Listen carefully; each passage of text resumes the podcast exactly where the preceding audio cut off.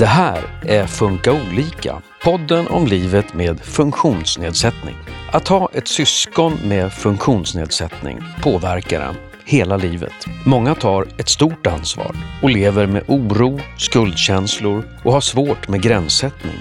I dagens avsnitt pratar vi med två vuxna syskon om hur det påverkat dem och deras livsval att växa upp med en syster och en bror med funktionsnedsättning.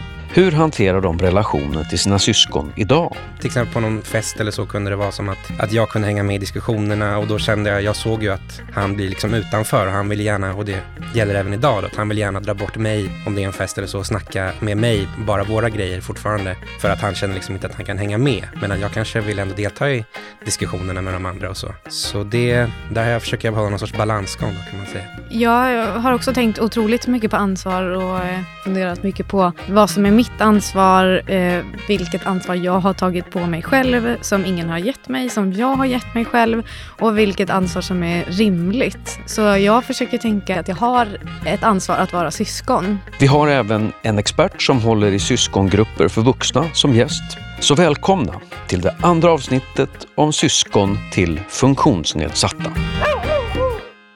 Jag heter Susanne Smedberg och med mig i studion idag är Åsa Sara Hoas. Hej!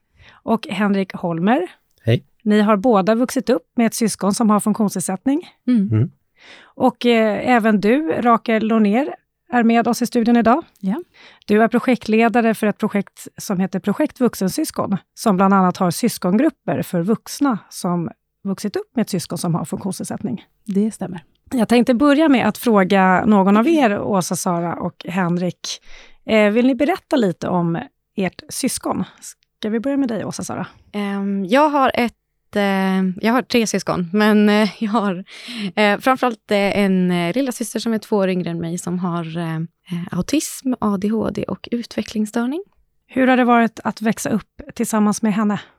Det har varit eh, som det är med ett syskon. Det är en väldigt eh, naturlig relation eh, eftersom det är en syskonrelation, tänker jag. Så det är jättesvårt att sammanfatta hur det har varit, men att hon har haft Eh, funktionsnedsättningar, det är klart att det har påverkat eh, hur jag ehm, vilken plats jag har eh, tagit i familjen, vilken roll jag har tagit i familjen till exempel och vilket ansvar jag har tagit framför allt. När jag växte upp så, så var det nog så helt eh, naturligt. Det kanske är mer i efterhand eller i, i vuxen ålder som jag har funderat på att eh, eh, saker och ting var annorlunda eller eh, för det har förekommit utagerande beteende och, och sådana saker. Men eh, som barn tror jag inte att jag reflekterade så mycket över att det skulle vara något speciellt. Kanske. Och det kanske heller inte förekom så mycket när jag var mindre. Mycket om hur det var att vara barn har jag ju glömt bort som vuxen också. Men är det något som du har tänkt på som eh, idag som du känner att du har påverkats av? Eh, ja, det är väl vissa, eh, vad ska jag säga, vissa egenskaper och vissa saker som jag gör. Att, ehm, det kanske tar väldigt mycket ansvar för eh, min syster, hennes situation, hennes känslor. Mycket emotionellt eh, ansvar. Ja, men jag har stort engagemang i min syster. Och du då, Henrik? Vill du berätta lite om din bror? Du har en bror. Ja, precis. Ja, han är mitt enda syskon då, eh, Thomas. Han är tre år äldre. Och han har, eh, ja, eh, autismliknande tillstånd säger man väl nu, men typ Asperger och så en liten utvecklingsstörning. Och eh, hur har det varit för dig att växa upp tillsammans med honom? Ja, alltså först tror jag, eller tycker jag nog att vi hade en väldigt stark och fin relation då vi nog var på ganska samma våglängd. Då hade vi lekte jättemycket med gosedjur och hade mycket som verkligen enade oss. Så det, det var fint tror jag på många sätt. Men sen blev det väl svårt i tonåren skulle jag säga, för då var det mycket som att jag, trots att jag är yngre då, växte om honom liksom. Eh, och kunde hänga med mycket mer i diskussioner med vuxna och sådär. Och eh, då blev det liksom omvänt på något sätt. Så att på ett sätt var jag liksom storebror.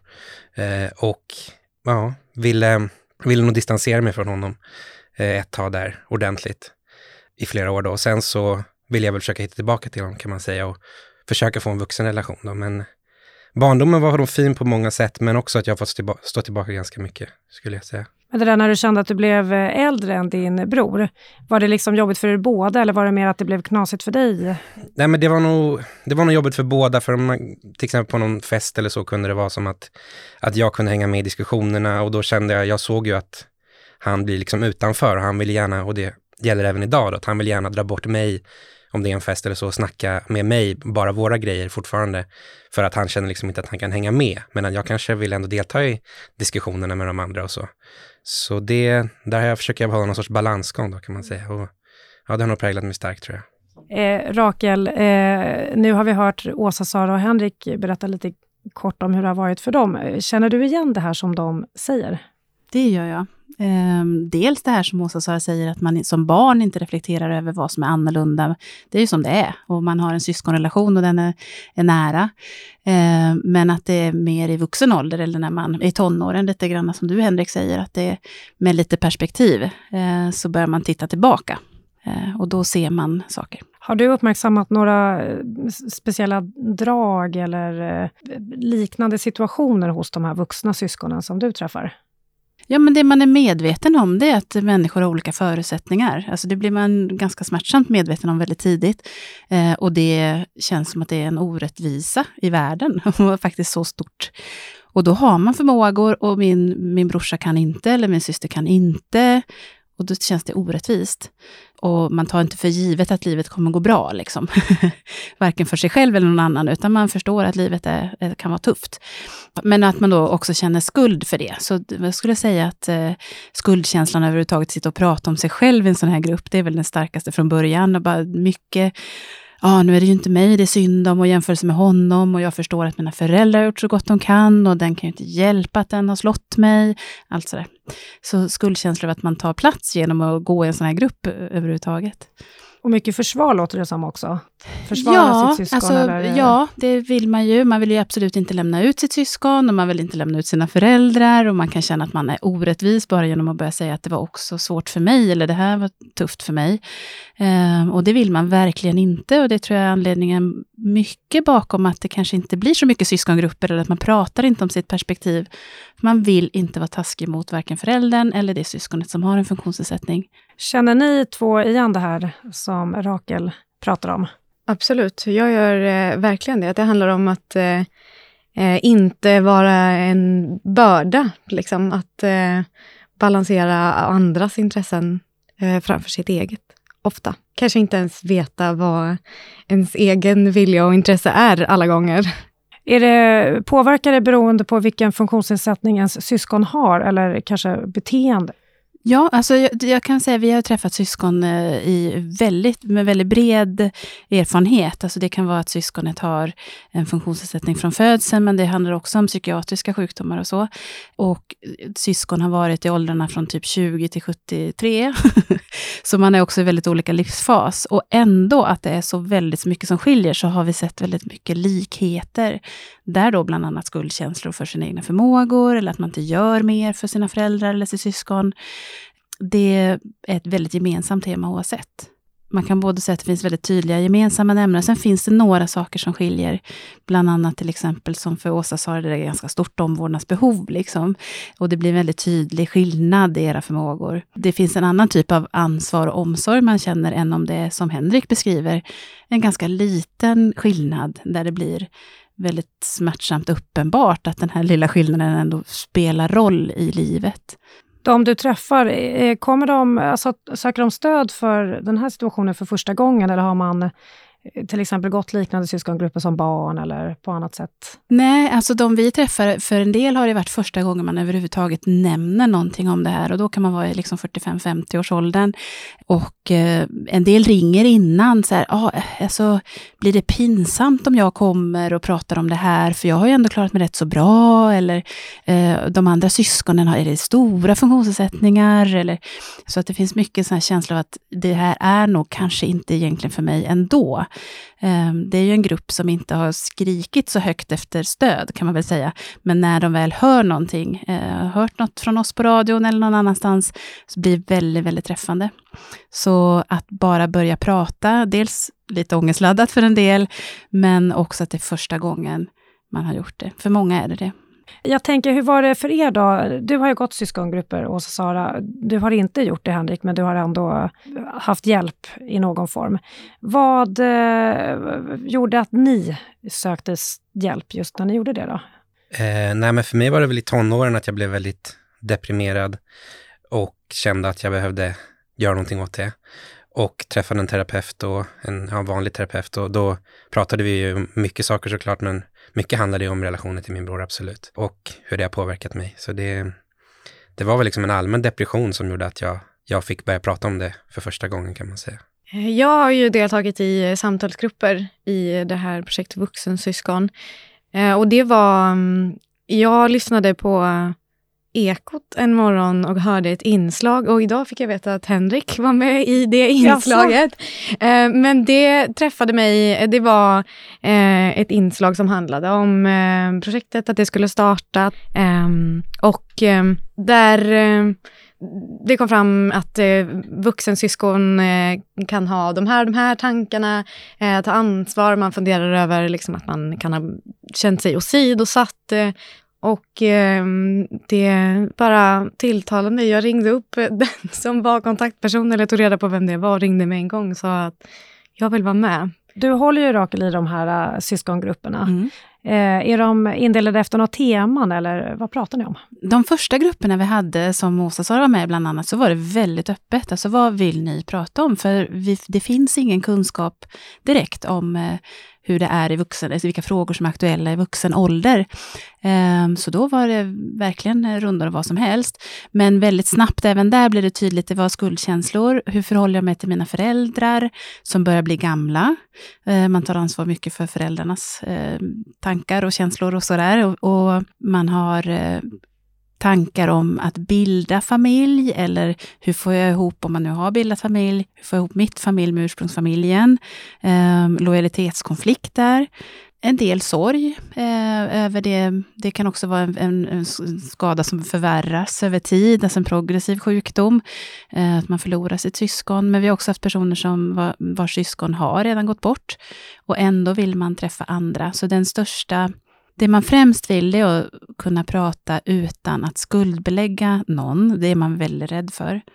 Och då märker man, här sitter andra syskon. Jag kan säga det här, de kommer förstå att jag varken hatar min, mina föräldrar eller mitt syskon, men jag är ändå ledsen över olika saker, eller har svårt för vissa saker. Du sa att det var ett ganska nytt eh, fenomen, eller att det inte har funnits så mycket grupper för vuxna syskon. Mm. Hur kommer det sig att man har börjat eh, ge den här typen av stöd nu? Eh, bakgrunden är att vi hade ett liknande projekt när det gäller föräldrar som eh, träffades och eh, ville diskutera hur blir det när jag inte längre är med. Och då börjar föräldrar lyfta så här, för en del sa jag, ja men det finns en jättebra bror, eller här är men ansvarstagande syster här som kommer att gå in som god man och bevaka situationen här, så det är inget problem. Eller så här, oj, jag har ju syskon också här, eh, de ska inte gå in i det här och ta över godmanskapet, utan de ska hålla sig härifrån. Och då blir det ganska naturligt för oss att, säga, att fundera, vad säger syskonen själva? Alltså det här gäller ju inte bara 13 personer i Sverige, det gäller ganska många. Och då var det tomt fält. Och också ska jag säga att föräldrar vände sig till oss i det, när vi hade det projektet. Sen, vad finns det för stöd för syskon?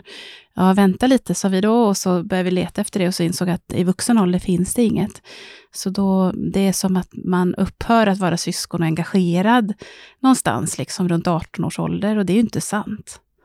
Nej, det följer en hela livet. Det följer hela livet. Och det, efter inslaget i Ekot var det över 50 personer som liknande mm. dig hörde av sig. Vad är det då de här syskonen eh, har behov av att prata om? Ja, det vi har vaskat fram nu efter ett antal grupper, det är ju att det kan vara eh, värdefullt att faktiskt se hur ser jag på mitt ansvar? Hur ser ansvaret ut? Alltså sträcker det sig över hela universum och alla ska ta ansvar för allt? Och vad är det man kan ta ansvar för eh, överhuvudtaget? Och, och också börja identifiera sina egna behov. Eh, att göra sin egen vilja tydlig. Eh, att fundera lite, okej, okay, hur tydlig är jag med min gräns? att faktiskt kartlägga lite vilka förväntningar känner jag på mig från omgivningen, så att man börjar ta reda på mer om sig själv helt enkelt. Och jag ska också säga att syskon vill prata om sin situation idag. Det är väldigt få som liksom går tillbaka och ältar. Det finns en liten fördom tror jag, att man sitter och liksom tycker synd om sig själv för vad man inte fick. Åh, jag fick inte det här när jag var liten. Det är inte så. Man, man, men, men det är en pågående relation idag och man har en framtid att förhålla sig till när föräldrarna inte längre är med. Eh, hur tänker ni på det som Rakel säger om det här med ansvar inför era syskon när de blir äldre?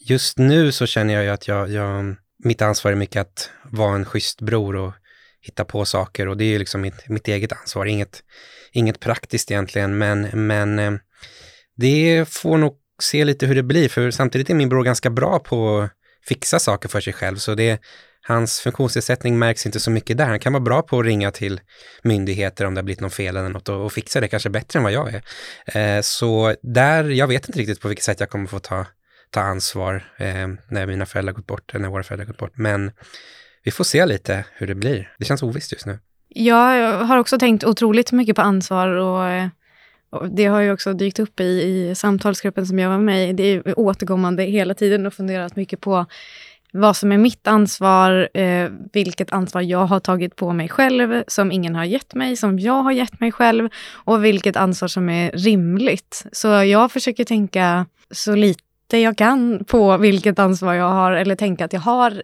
ett ansvar att vara syskon eh, i första hand. Det är mitt ansvar här och nu. Och jag försöker också tänka, att inte tänka så mycket på vad som eventuellt eh, kommer hända sen. För jag kan inte göra så mycket åt det just nu ändå. Och eh, annat då kring den här skuld och gränssättning, är det någonting som ni också har funderat kring? Eller? Uh, ja, jag har funderat mycket på att det har präglat mig i alla möjliga relationer i livet, att jag har haft väldigt svårt att säga ifrån för till personer. För om de på något sätt hintar om att det är synd om dem eller de är utsatta eller vad det är, då blir det som att då lägger jag mig platt liksom. Så det, det är något jag alltid kommer få jobba med tror jag. Jag har tänkt, framförallt tänkt på um, skuld som något som gör att man inte... Det finns inte utrymme att känna vissa känslor. Det finns inte utrymme kanske att vara arg för att det följs av jättemycket skuld och eh, vem är jag att vara arg i den här situationen? Och jag har det bra och jag har ett fungerande liv och jag har inte behov av en massa insatser och jag eh, kan kommunicera vad jag tycker och tänker. Men samtidigt så finns det ju många situationer där jag har blivit arg som då har följts av skuldkänslor. Och därför så kanske det inte känns som att det liksom är... Då är det inte rimligt att vara arg. Då, då struntar jag i det istället. Men mycket, när man har ett syskon som, som mitt syskon så finns det, det går aldrig vara för mycket närvarande och man kan aldrig göra tillräckligt. Eh, liksom. Man kan aldrig hjälpa till tillräckligt mycket. Det finns alltid någonting någon del som man kan hjälpa till med. Och även om det bara är i, i tanken, liksom, att jag är emotionellt eller liksom är hos min syster, tänker på henne mycket, oroar mig för henne mycket eller sådana saker, så tar det otroligt mycket energi att liksom känna sig så otillräcklig i förhållande till sitt syskon. För att i många situationer så känner man att jag hade gjort vad som helst. Liksom. Det har varit en jätte sån här process som har hänt under samtalsgrupperna att försöka urskilja så vad är, vad är det jag vill göra här och vad gör jag för någon annans skull och hur mycket ger det mig det jag gör, hur mycket ger det någon annan? Ja, min syster då är det ju framför allt. Du sa också att du, du läser juridik. Mm. Och att du hade tänkt rikta in dig på ett område, men nu har du bestämt dig för att Mm. eh, inte göra det längre, utan Mm. ett annat område. Mm. Ehm, ja, men jag, eh, jag vet inte om du kanske kan känna igen det, Henrik, men att om man har ett eh, syskon med en funktionsnedsättning så är man ju eh, specialist på sitt syskon och får eh, mycket gratis och det är liksom, sitter inne med en, en kunskap som är väldigt svår att få på något annat sätt än att vara syskon. Liksom. Och då har jag väl tänkt att eh, jag eh, har den här kunskapen och eh, ska rädda världen och göra den till en bättre plats för människor med eh, funktionsnedsättningar. Sen har jag under utbildningens gång och med livets gång eh, landat i att ehm, eh, det det kanske är bättre att hålla det som ett eh, privat engagemang. Jag vet inte, vi får se. Uh, jo, men jag kan väl känna igen det lite, att jag har jobbat mycket som personlig assistent och gå in mycket, gått in mycket i deras, de har jobbat med deras livsöden eller vad man ska säga och förmodligen engagerat mig för mycket och det har ju de då brukarna kunnat missbruka på ett sätt att jag har liksom inte varit tydlig med det här ingår inte i jobbet, jag har kunnat liksom komma efter arbetstid och hjälpa till med något för att jag har varit för snäll så att säga. Så jag har nog insett att jag vill inte, vad ska man säga, ta på mig det för mycket i liksom arbetslivet. Så nu har jag ju sållat om och liksom, jag håller på att bli fritidspedagog då. Och eh, ja, där blir det andra typer av gränsdragningar. Men just det här med, eh, jag tror inte jag vill jobba med funktionsnedsatta bara i alla fall på det sättet. Vilket jag kanske tänkte tidigare. Är det många som hamnar i det här att eh, man jobbar eller studerar eller är inte bara engagerad i sitt eget syskon utan även runt omkring? Ja, alltså de vi har träffat så har det varit en hel del eh, som har haft människovårdande yrken kan man säga, men inte alls eh, bara. Men eh, lite som Åsa Sara säger, att man har en, en eh, insikt och en kompetens som bara man har eh, av sig själv. Liksom. Och att man då tänker att nu ska jag göra det bästa av det jag har. Men, men det har ju också varit så att man under samtalsgruppernas gång, när man börjar fråga sig, okej, okay, vad vill du och vad är det här för dig? Och, och att man liksom börjar titta inåt lite, så bara, oj då. Um, så folk har bytt jobb mm. under gruppernas gång. Alltså för man börjar fundera, okej, okay, vad mår jag bra av? Um, varför går jag och känner mig så otillräcklig hela tiden? Alltså den kompakt otillräcklighet är inte hälsosamt för någon. Så, så det här med gränser och den egna viljan och egna behov är centralt. Är det några andra sådana stora svåra frågor som eh, brukar komma upp i de här grupperna? Ja, en fråga som eh, jag bävar lite för att bara säga, för den tycker jag är väldigt svår att ta emot, och det är den här med människorättsbevakarrollen eh, som man känner att man har. Man vill att det ska vara okej okay för sitt syskon. Eller inte bara okej, okay, alltså bra, helst ska det vara så bra som möjligt, men det ska definitivt vara okej. Okay. Och, och, mm, när man inte kan ha kontroll över att det är bra för syskonet på ett boende till exempel, kommer personalen vara snälla. Man kanske kommer tillbaka och märker, vad är det här för blåmärken? Ingen som säger någonting. Och det är alltså begränsad kommunikation. Alltså den oron kan ju bli nästan panisk. Eh, och jag tänker också att många föräldrar känner så i, när man pratar om det här, vad händer när jag inte längre är med och kan bevaka att man får sina liksom, rättigheter tillgodosedda. Och nu pratar jag inte finlir, utan att man inte far illa. Det, den oron har syskonen också. Men, men eh, många syskon känner sig borträknade från den offentliga vården så att säga, men det är inte ditt ansvar, punkt. Alltså det är många som har fått höra det av sin omgivning och av professionella. Varför sitter du här och pratar om det? Det är ju din syster, du har inget juridiskt ansvar för henne, eller hon har ju LSS. Och sen är samtalet slut. Där känner ni igen er i, eller? Absolut, som att det skulle vara eh, givet att bara för att man är syskon så, så tar man inte ansvar för också de liksom, oro över praktiska saker eller eh, framtid eller alltså det, det finns ingen, ingen koppling däremellan, att det bara gäller för föräldrar. Ofta så tror jag till och med att man tar över föräldrarnas oro också, eller försöker lindra den så mycket som det går, om föräldrarna ger uttryck för sådana tankar. Jag tänker just det där, den typen av oro eh, för att fara illa, hur hanterar man den? Ja, eh, det är inte så himla lätt, för jag tänker att det handlar nästan om en sorg och en acceptans över att det jag känner att jag måste ha kontroll över, det har jag ingen kontroll över. Ehm, och det, det, är tufft.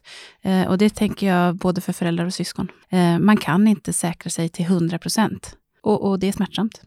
Och då när man, eh, för det har också varit ett tema när det gäller liksom kontroll och att man ska kolla av och man ringer föräldrarna och föräldrarna ringer tillbaka och man ringer boendet och man har mötet med chefen och man följer med på SIP och håller på. Ehm, att man vill kontrollera det som går att kontrollera så in absurdum, att detaljer blir jätteviktigt, att man nästan blir fast där. När det egentligen är att konstatera att jag får stå ut med att jag kan inte ha koll och full kontroll på att inte någon far illa. Eh, jag tänker du då, Åsa Sara, du har ju gått de här syskongrupperna. Mm. Och vad var viktigt, eller för dig, i de här grupperna? Eh, det, alltså det är mycket som har varit eh, väldigt viktigt för mig eh, av att ha gått i, i syskongrupper. Men en sak som, som kanske är svår att förklara, men det är, så, det är så givande, det är så otroligt skönt att sitta i en grupp där alla nickar. Liksom. Där det är igenkänning. Alltså det är det är någonting. Eh, och då mm, i samtalsgruppen som jag deltog i, vi var väldigt blandade åldrar. Eh, vi hade syskon med helt olika förutsättningar och ändå så mycket igenkänning. Så att det att, eh, att ha ett forum, dels där det är helt okej okay att prata om bara saker som är jobbiga. eh, kanske. Behöver inte förklara för dem att jag älskar min syster. Liksom. Utan eh, det är inte därför jag är där. Utan jag är, jag är i syskongruppen för att prata om det som är jobbigt. Det som är härligt liksom, med att vara syskon. Det, det vet jag redan. Det mår jag jättebra av. Liksom. Det är härligt. Men de jobbiga sakerna, att ha ett forum för att prata om det och inte inte behöva känna någon som helst skam eller skuld över att ha pratat om det. I andra sammanhang Eh, kanske när man pratar med människor som inte alls har någon relation till eh, en person med funktionsnedsättning, så måste man förklara och kanske beskriva att det här har gett mig jättemycket och det har varit väldigt eh, eh, givande och jag är sån här och sån här på grund av detta. Och när man pratar med sin familj, då kanske det istället är så att man inte vill ta upp de grejerna som man tycker har varit jobbigt för att mm, inte, jag vill inte belasta min familj. Du då Henrik, du har ju inte gått eh, i syskongrupper, men du har eh, ja, dels gått i terapi, men sen har du också skrivit en pjäs, Skuggsyskon, tillsammans med din mamma. Eh, och eh, där intervjuade du andra syskon. Eh, vill du berätta lite om eh, den processen? Ja, precis. jag intervjuade tre syskon då till pjäsen och det var väldigt givande att höra deras berättelser och också eh, mycket som Åsa sa, sa det här igenkänning och att de kunde sitta och nicka och jag satt och nicka och det var, det var otroligt stärkande känner jag. Att då kände jag verkligen att jag inte är ensam i det här. Även om det var andra typer av funktionsnedsättningar i vissa fall så, så är det mycket likheter. Eh, och sen är det spännande att höra om är, de kanske hanterat en erfarenhet på ett annorlunda sätt än jag har gjort och kan jag ta lärdom av det? Kan jag något, något jag säger de ta lärdom av? Så jag tycker det var väldigt stärkande och vill gärna prata med ännu, ännu fler syskon. Vad handlar pjäsen om? Eh, ja, nej, men den handlar om eh, tre olika syskon kan man få säga som i sin tur då har syskon med olika funktionsnedsättningar och de möts i en form av terapi då i vuxen ålder eh, och pratar om sina erfarenheter och så. Och sen är det liksom, vad ska man säga, tillbakablickar också och eh, på deras erfarenheter och så. Så det, pjäsen är en sorts blandning av nutid och barndom kan man säga. Vad var viktigt att förmedla med pjäsen? Uh, ja, att det är okej okay att känna en massa saker tror jag var. Uh, det är okej okay att vara arg, det är okej okay att känna skuld, det är okej, alltså, ja, att det är så mycket som jag tror att det är svårt för gemene man att förstå som det var viktigt att ge uttryck för. Rakel, vi återkommer ju mycket till det här att, att våga ja, egentligen uttrycka vad man själv känner. Ja, jag tycker egentligen inte att det är så konstigt. Eh, det är, någon i familjen har ett jättetydliga behov och om de inte blir tillgodosedda kan det ibland bli då döden, alltså som ska vara den yttersta. Eh, och då liksom, okej, okay, det är inte så konstigt att de hamnar lite på paus eller lite i periferin. Men det, det problematiska är ju när det alltid blir på paus, alltså att man har den strategin att ja, men jag väntar lite så kan mitt liv börja sen. Och så är man 35 och så 45 och så undrar man lite när det ska börja. Det är ju det sorgliga. Hur kan det här te sig uttryck i andra relationer då? Ja, alltså det är ju det lite sorgliga där, lite som Henrik, du var inne på, att om man tänker sig att andras behov är väldigt viktiga, så kan det bli system och så är alla andras behov är jätteviktiga. Även kompisars och partners. Och så kan man gå in i Eh, faktiskt lite destruktiva relationer som är liksom på den andres villkor, utan att det fyller en funktion. Det är inte så att den andres behov är mer viktiga, men om man inte förstått att mina, jag är också viktig, för det är många som ger uttryck för att men jag är inte så viktig. Alltså barn kan tolka föräldrarnas engagemang rent tidsmässigt som att det, min bror är viktigare. Som människa är det här en viktigare. Så man, man kan inte alltid se eh, det. Så därför så blir det viktigt för föräldrarna att ibland också vända sig till syskonet. Känner ni igen att ni liksom har fört över eh, sådant eh, i förhållande till ert syskon till andra relationer? Ja, extremt mycket. Det, det, det har varit väldigt dåligt.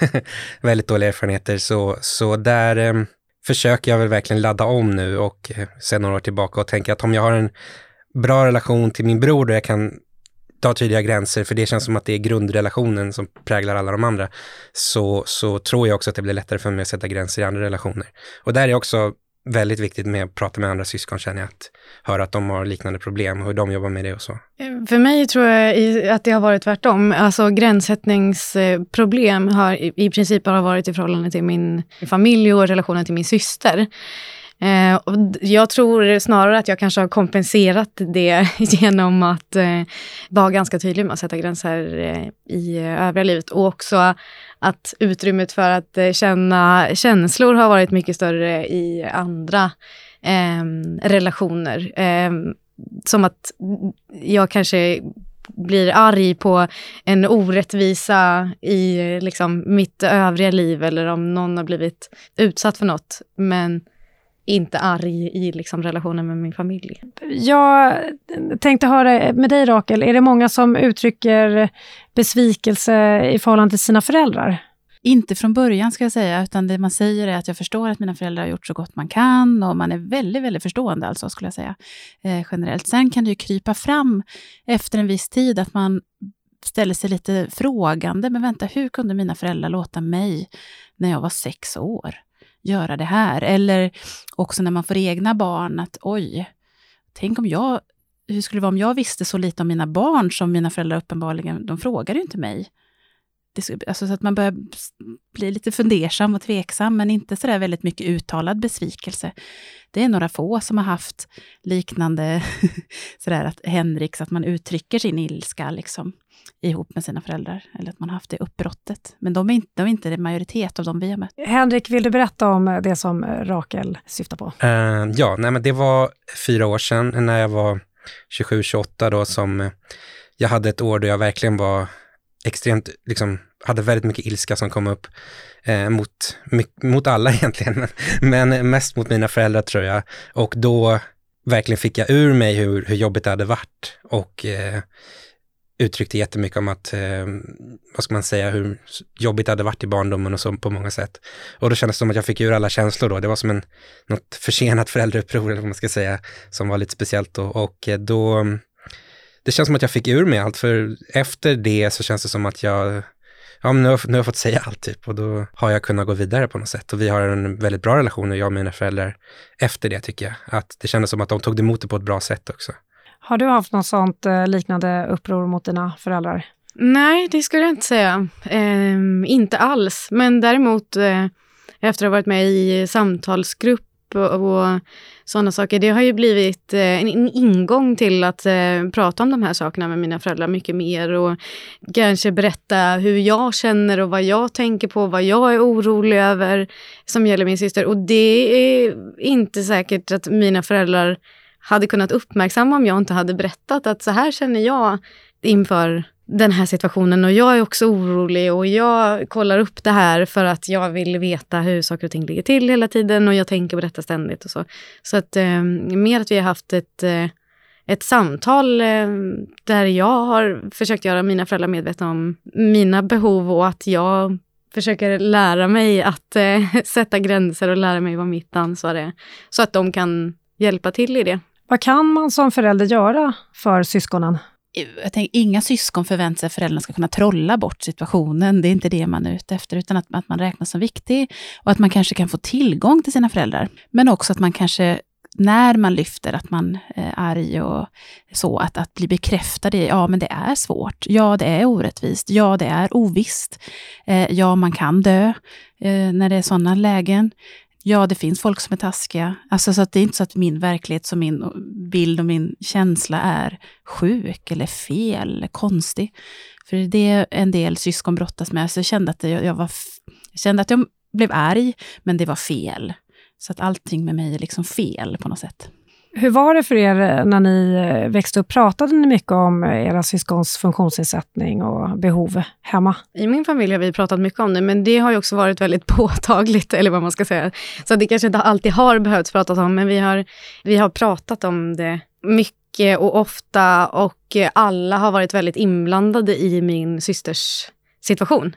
Men apropå det Rakel sa, så, så tänker jag på att en viktig sak för för alla inblandade tror jag är att föräldrar kan sätta gränser för sig själva. Om föräldrarna kan sätta gränser så tror jag att barn och syskon också ärver liksom förmågan att kunna sätta gränser själva. Hur har det varit för hemma hos dig då, Henrik? Har ni pratat mycket om eh, din brors funktionsnedsättning och Eh, ja, i alla fall de har alltid varit väldigt tydliga med att informera om att nu, nu ska din bror byta klass och börja en mindre klass och behöver lite extra stöd och han har fått en diagnos och sådär. Uh, så sådana saker fick jag väl reda på redan när det hände och jag var liten och så, men uh, ibland, eller det, det har gått lite fram och tillbaka. Sen när vi blev vuxna så har, det, har vi pratat väldigt mycket om min bror då.